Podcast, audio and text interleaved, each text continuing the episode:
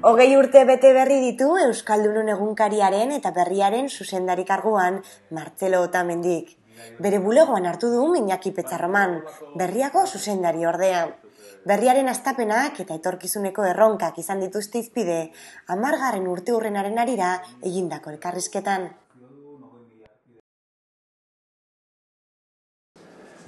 Bueno, oso pozik eteko motibo hauzkeu, eh? Bozkau, e, kontu hartu behar da, e, nola jaio ginen, da ze gora zailetan jaio ginen, 2002ko ekaino horretan, lehenago, hiletatzu lehenago unkariaren, Euskaldun unkariaren bortxazko itxiera izan zen, eta ez genekin ze gertatuko zen. Gu genekin egun hartan, etzela Euskarazko, ia uste genuen etzela Euskarazko unkarik egon, baina gero azken zen, zuek gure langileek eta gure irakurre eta hartzaileek indako aleginari esker, lortu genuen, lortu zenuten eta lortu zuten gu orduan gonden, lortu zuten egunero egunkari transizio kuratetzen. Eta egora zail hartan, zail, egora ekonomiko zail hartan, egora judizial, polizial, politiko zail hartan, ze ausardia bartzen egunkari atitxitak gara sortzeko, bai ontzen gaitasuna jendaren partetik, gure langileen partetik, eta baita ere gure, gero, gure akziodunak izan zirenak, gure arpidunak izan zirenak, iragarleak, egon zen ausardia egunkari aturiko. Bueno, marruteko ibilbide hori oparo izan da, ez da bakarrik egunkari bat izan da Euskarazko komunikazio taldea lindizitu harin berria taldea. Eta zerrenda luzea da zenbat lan ditugun eta zenbat, zenbat proiektatu ditugun batera beste atzukin batera ez? Ba, edo mekataloista edo impresio zentroa edo herrien laguna edo hitzak edo lako askoz. Orduan Ria.info eta ba, oso pozik gaude, oso pozik egiteko egoteko moda badu dela, arrazio badu dela, eta oso eskartuta pozi gaude eh, egindakoan gatik, eta oso eskartuta langileekin, eh, arpidunekin, azkedunekin, iragarlekin, diru launtzak manizkigutenekin, erakunde publikokin. Bueno, uste, eh, denon artean lortu dugula sentotzea Euskarazko uneroko nazionalaren proiektua, eta bide hortatik zaitu harko dugu. beste atxilotu baino sortu behar izan nun, batzuk izan genuen, beste batzuk kartzala gontzien, Juan Mari Torraldai, Xaber Oleaga, Xaber Alegria, Iñaki Uria, eta txamauz bendi, kartzala gontzien, kartzala mazitu zen, e, hori gele bortxaz. Eta niatean nintzenean, ba, bueno, tokatu zaidan asko ibiltzea egunkariaren txiran salaketa iten batean eta bestean, baina bueno, talde bat e, kartu zuen eguneroko hori, transizioko zubi horiteko e, lana beste batek e, gari baten agitazio eta propaganda ditzen zena, eta gero de, aurreneko lan horien ondoren beste taldeatek hartu zuen Euskarazko Bunkari Nazional bat, sendo bat, e, merituak endu gabe transizioko horri, sendo bat egiteko. Eta, bueno, ni hor, talde hortan integratu nintzen, eta horko eduki prestatzaile, eduki diseinatzaile, diseinatzaileekin batera, bueno, talde oso bat sortu zen, gero enpresa osatu, enpresa osatu berrazeon, enpresaren e, agizpietura tekniko-teknologiko gizabanakoenak eta eta eta personala eta marketinga eta bueno, talde oso bat sortu zen horren inguruan eta orduan ba, bueno, ba, oso ilusio handiarekin kezkarekin ere bai jendean nola hartuko tezun, e, gara hartan ere ba, ezgenekin e, dirua jasotzeko kanpaina, dirua biltzeko kanpaina, aziodunak biltzeko kanpaina nola aterako zen, 5 milioi euroko helburu jarri genuen euroari eta 4 milioi eta sortzen mila euro eta genetu nordune, bueno, duda horretan, baino konfiantzarekin, da gero ba, oso pozik nola eta zen ilusio handiarekin, eta bueno, alako baten jaio zen berria eta eta eta olako beti garatu behar da, ba, zenbat jendekin duen lan hori hori hori atera zedin. Bazion alako kezka ote ze gertatu ote zik gaina kezka hori gero ikusi guen nola zer urriko zarekin ez, bigarren operazioarekin. Eta orduan egura ez zen izan horren beste egunkariaren kontrakoa, e, sortu berria zenekaten kontrakoa, eta parkaren kontrakoa, baina abisu bat ere bazen, ez? Orduan ez genuz kantu da guztik argituta zer gertatuko zen ikuspegi judizial edo polizial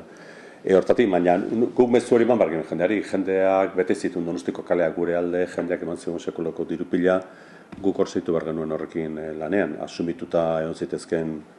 e, ondorio batzu, zorionez ez da horrelakorik e,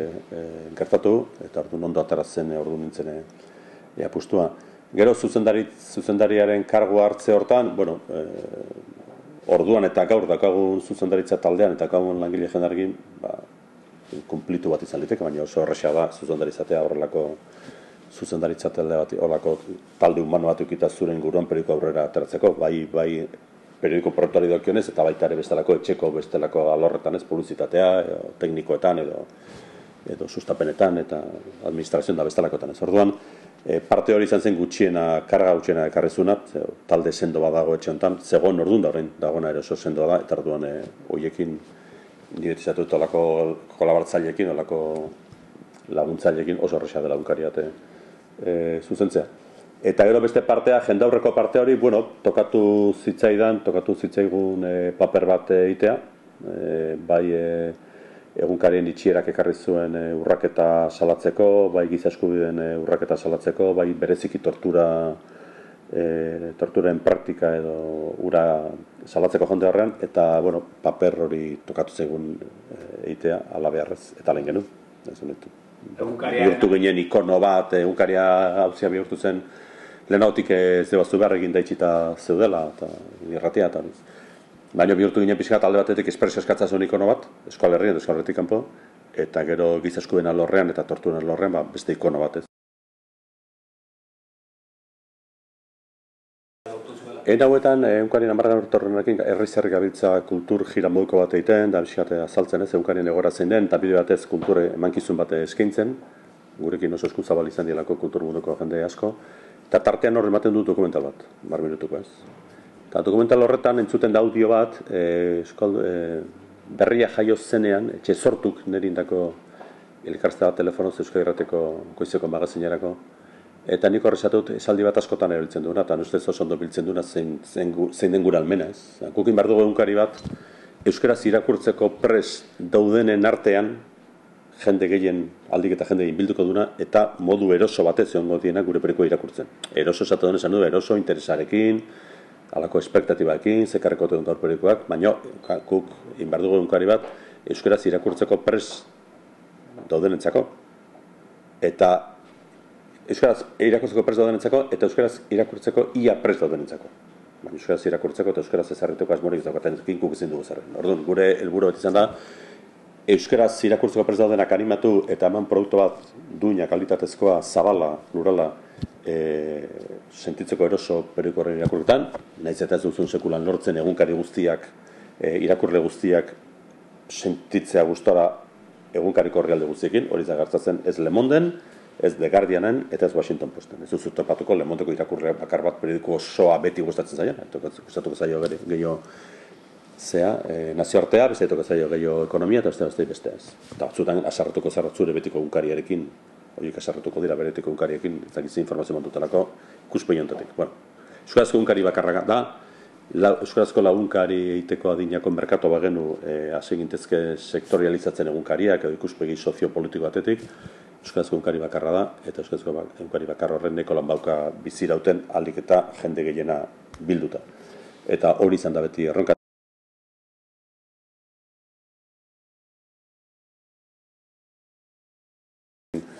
Beste hizkuntza hundietako komunikabietako ardura dunekin nagoen esaten diet beti ongi etorria krisiara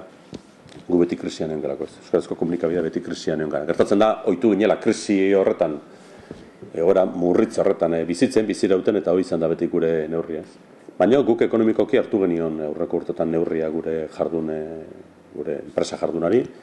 eta ez genuen diroa galtzen, eta, eta bueno, urtea bukatzen genuen aurreneko lau bosu zei urtetan bukatu nuen e, urtea diruz ondo, paren eta dirurik galdu gabe eta hasierako bolsa hortatik diru hartu barrezen gabe eta gainera bitarte hortan intziren e, e, itzak e, sortu, boski buzkan bizkaian, da gero ba, txandu bezalanen, ba, maika telistan e, partartu nuen, da presio zentroan partartu dugu, eta herrien lagunak, eta zez, irrien lagunak da Orduan, bagenukan neurri bat hartuta eta bagenukan gure neurriko ekonomia bat. Ez? Gertatzen da bi krisi etorri dela, etorri alde batetik krisi struktural bat komunikabidena, e, ordainezko konsumoa atzeratzen ari dena eta gero krisi ekonomikoa ba, bati bat publizitatean sekulako kaltea indiguna. Bi krisi horiek, krisi strukturalak, krisi ekonomikoak denak karpatu dituna, herritar guztik karpatu dituna, horrek ia e, oso egora zailan jarri zuen jartzeko arriskoa zegoen gure gure proiektua. E, ja ez ginelako iristen e, ez diru ez galtzera eta dirua galera batzuk izan genitu izan ditu gazkeneko urte eta horren pentsatu genuen e, behar genula beste berme bat estruktural izango dena iraunkorra izango zena e, jendearekin parte hartuta ez horren ba, komunitatearen idea ekarri genuen Kataluniatik, hori bila webek lan duzun Katalunian eta genuen komunitatearen e, konzeptua indezagun denon artean berria, izan gaitezen berria kide, e, berria komunitateko kide denon artean bultzatzeko berria, eta horren barruan sartzen zen bat diru launtza bat ematea ziztadaren beti bidetik indugunez. Bueno, hori joan da, ze gainera ziztadaren laguntza hori iraunkorra da, eta gaur egun e, laun mila eta berreun, irureun, e, zea, kide ongo dira, e, persona daude e, diru launtza mantutenak, eta bat, bataz beste amarra euro baina goioan baten ari dira beraz, milioi erdi e, euro bilduko dugu ari gara biltzen urtean, eta gure helburua da bortik gora jotzea, beste ba, ea lortzen dugu 6.000 euro e, lortzea 2000 eta amairuan ez. Bueno, horrek e, aukera ematen dugu, horrek kontsoi finanziero bat ematen dugu, irankorra den ezkero, ez da behin proiektu baterako, ez eta irankorra den ezkero kontsoi finanziero bat ematen dugu segitzeko, baino bai jartzen gaituela e, lehen subirano ginen ikuspoi finanziero batetik kontutan hartuta beti dirlauntzak euneko emezortzi ingurukoak izan dira, baino hori kontutan hartuta euneko laroita bia, beraz auto, autofinanziazio gaitasun handi batekin jartzen gintuen e, e, bueno, lehia horretan edo, edo, edo gure uneroko e, jardunean zeurazki Euskal Herrian komunikabide handien artean autofinanziazio bali altu, altuna daukana euskarazkoetan. Eta jartzen gintuen oso ondo kokatuta, ez? E, Kresionek jarri gaitu e, horretan, eta e, ez dakigun nora goazen, gure negozio eredu zarra badakigu ez dela repikatuko, nun dagoen eta nola lortuko dugun negozio eredu e, berria, negozio esaten dudanean, esan nahi dut, Euskarri ikuspegi finanziero batetik, ekonomik batetik modu proiektu Euskarri bat e, eusteko moduan izan da dine, izan da dila proiektua. Eta hor, orain goz fase honetan, transizio horretan, e, ari gara planteatzen da, bueno, transizioa eta negozio argitzen den bitartan, legun diguzu, diruz, e, hilero ba, amar mila euroko, amar mila, amar euroko launtza horrekin, eta ez dakit ezote garen beti transizioan instalatuko. Eh? Mm -hmm. plan, una, negozio zarretik, negozio berrira transizio bat emango da, ez dakigu negozio berria non dagoen, ez euskeraz, ez gazeleraz, ez inglesez, ez frantzez, ez italieraz, ez alemanez, ez da horrendik argitu bada negozio non dagoen, gaizki dabiltzalako, hizkuntza hundietako, nazio hundietako, egunkari hundietako komunikabidek, hori dabiltza eh, gaizki, Eta arduan, nire kezka da, erdin prometan esaten duna, ea ezote garen beti irako instalatuko transizioan. Nik uste dut sendo berria taldea, gure giza taldea, eh, eta ikusten dut baita ere sendo berriaren inguruan sortu den komunitate hori ez. Eta, bueno, gure irakurleak eta gure, gure unkaria oso identitarioa da. Jendea asko identifikatzen da unkariarekin. Bueno, hori gertatzen da hizkuntza txikitako komunikabidekin, ez abui oso identitario zen, ara oso izango da, eta Euskal Herrin ba bere garaian egin edo gara edo deia eta oso identitario dira jendeak beretzat hartzen ditulako horiek, ez. Beste handi horiek igual ez dira horren horrezako eta horrezako identifikazioa. Doketara sekulako salmenta, baina ez igual horrezako identifikazioa irakorren. Gure bai, ordu, gure jendea sentitzen du, ez balin badabi londo berria, herri hontan hizkuntzak arrazo ukilezak. Ze gurean, gurean, e, baleude hogeita boste egunkari nazionale egunero e, euskaraz, bardun, ba, bat galtzearekin hizkuntzak ez luke galduko, baina gurean jendea bauka sensazio hori, hau da euskaraz daukagun agerkari eguneroko nazionala ia bakarra ikuspegi hortatik, ez? orduan e, jendeak e, ni, ni konfientza aukat jendeak ikusi dula egoera hori eta jendeak erabaki dula diru launtza ematea. Gertatzen da, ari garela, e, kolaborazio diru launtza e, iraunkor batekin izketan ez. Eta orduan hori ere elikatu behar da. Dena kostiente gara egora larrian daula gure ekonomia orokorra, baina, bueno, markatu behar dira lehentasun batzuk, markatu behar dira marra, marra gorri batzuk, eta gure kuenkan marra gorriak izan ditezke betiko marra gorri sozialak, eta Marsellan ere bai, baina gu nazio bat gara, garapenean dauna, eta gure marra gorrien artean sartu behar du hizkuntzak eta kulturak, eh? hizkuntza horretan iten den kultura. E, Sorian edo Marsellan batean espainolez eta bestean frantsesez galtza balin badagunkari bat hizkuntza horrek ez du asko galduko, gurean ez dakize irrati izte balin bada, ze aldizkari izte balin bada, ze egunkari izte balin bada, gure hizkuntza sufrituko du asko. Ba, arro, arlo gehienetan bakarra dukagulako. Zientziari buruzko bakar bat, astekari ia bakar bat, beste bat, herria bat, bi, eh, ez dakitzeri buruzko ia bakarra duzkagu, orduan eh, hori galtzen denean, galtzen da. Eta azkenek urta ikusi dugu, Irlanderrak, Airisak, galdu dula bere unkari bakarra, eta gallegoak ere galdu dula bere paperezko egunkari bakar. Beraz, horiek galdu dira ja. Bizkuntza horiek, berpiztu beharren eta sendotu beharren, eta duela goi urte baino komunikabide goi beharren, galdu dute eguneroko paperekoa, eta galdu dute eguneroko zanpatek gallego eta beste irlanderaz. Orduan, e, administrazio publikoari eskatu behar zaiola, e, hitzez eta txostenetan haintzen dion estrategikotasun hori, onartzen dion hori, gero eramatea eramatea paperean, eta gainera inbarko nuke alako itun moduko bat, akordio moduko bat, sektorea eta administrazio publiko horretan ikusteko, bueno, ze garrantzi dauka, eh, daukate euskarazko komunikabidek